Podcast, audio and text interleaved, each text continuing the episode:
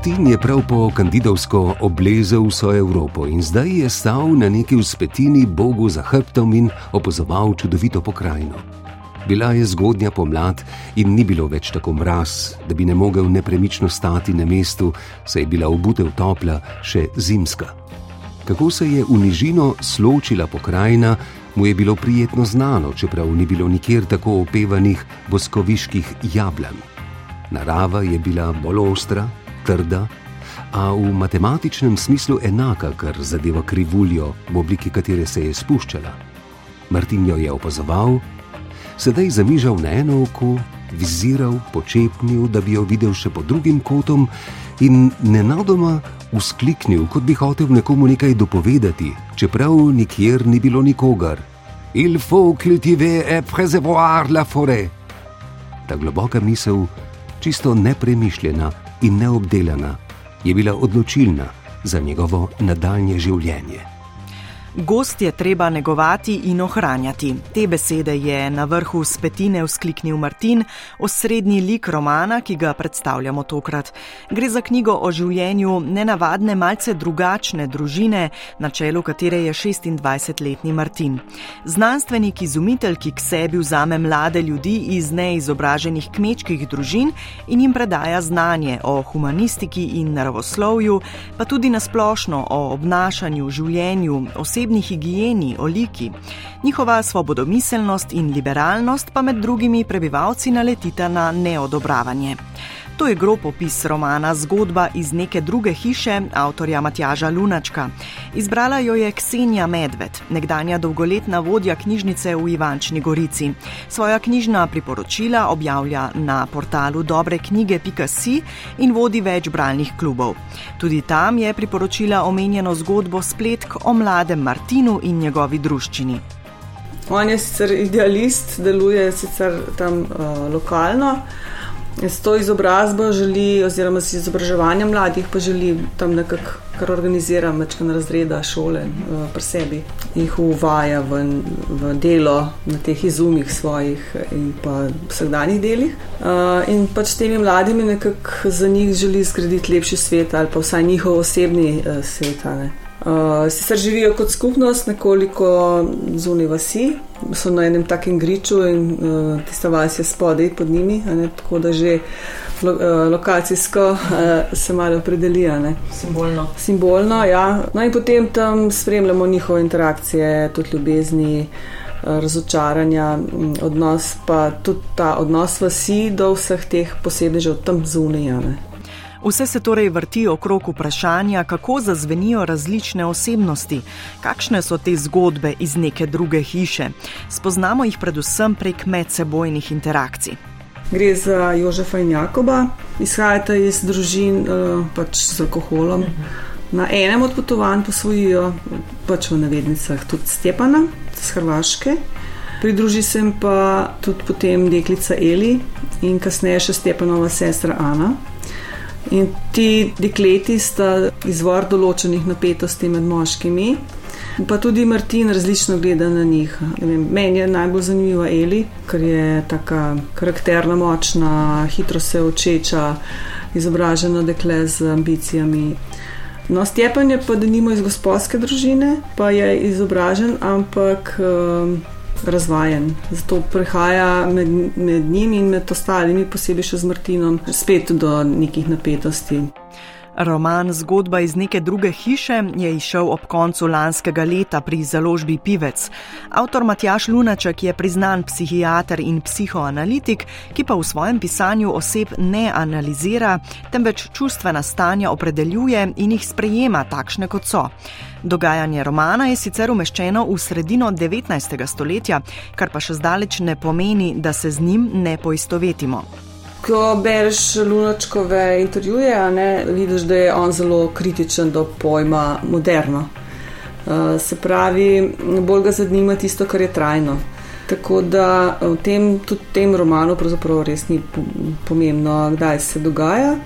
19. stoletje pa je verjetno izbral, ker mogoče res iz distance lažje opazujemo uh, dejanja svoje današnje.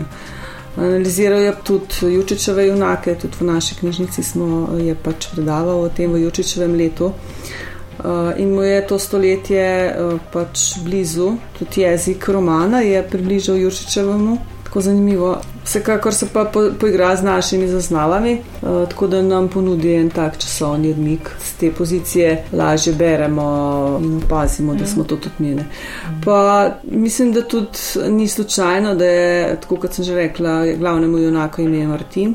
Tako kot je bil uh, pač Martin, posebnejši iz prvega slovenskega romana, Deseti brat, in da je mogoče želel pokazati, da so dan danes posebni že neki drugega, mislim, so dru, drugačni, na, na drugačen način, kot pa recimo je bil Martinek Spakane.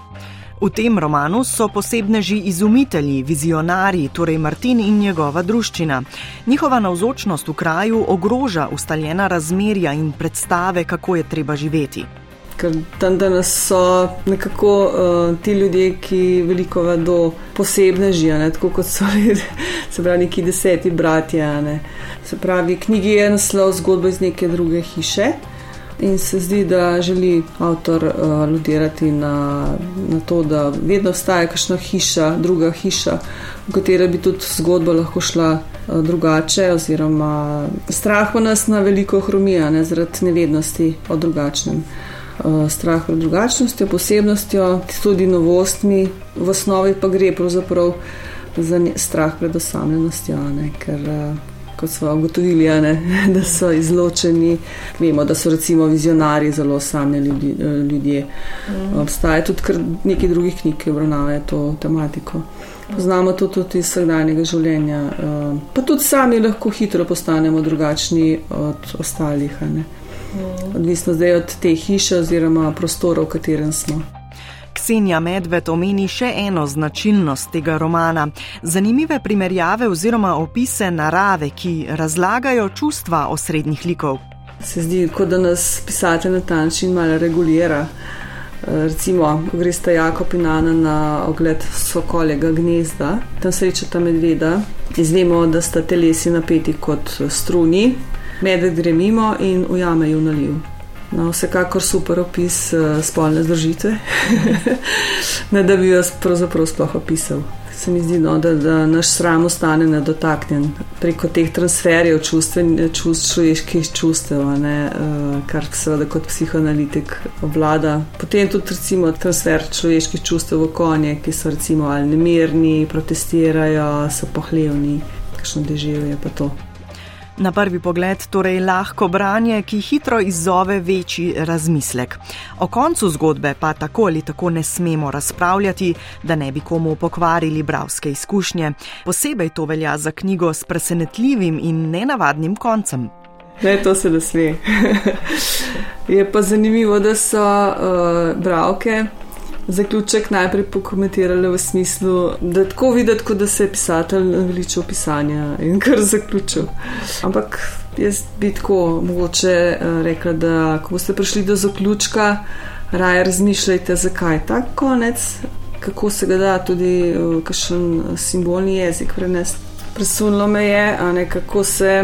V tej pač zgodbi, oziroma v vseh naših zgodbah, lahko nekaj dobrega in dobro zamišljenega spreobrne v nekaj takega, kot se zgodi sicer na koncu. Eh, velja tudi pogledati ta zaključek tudi simbolno oziroma kot neko metaforo vsega možnega, kar se lahko zgodi.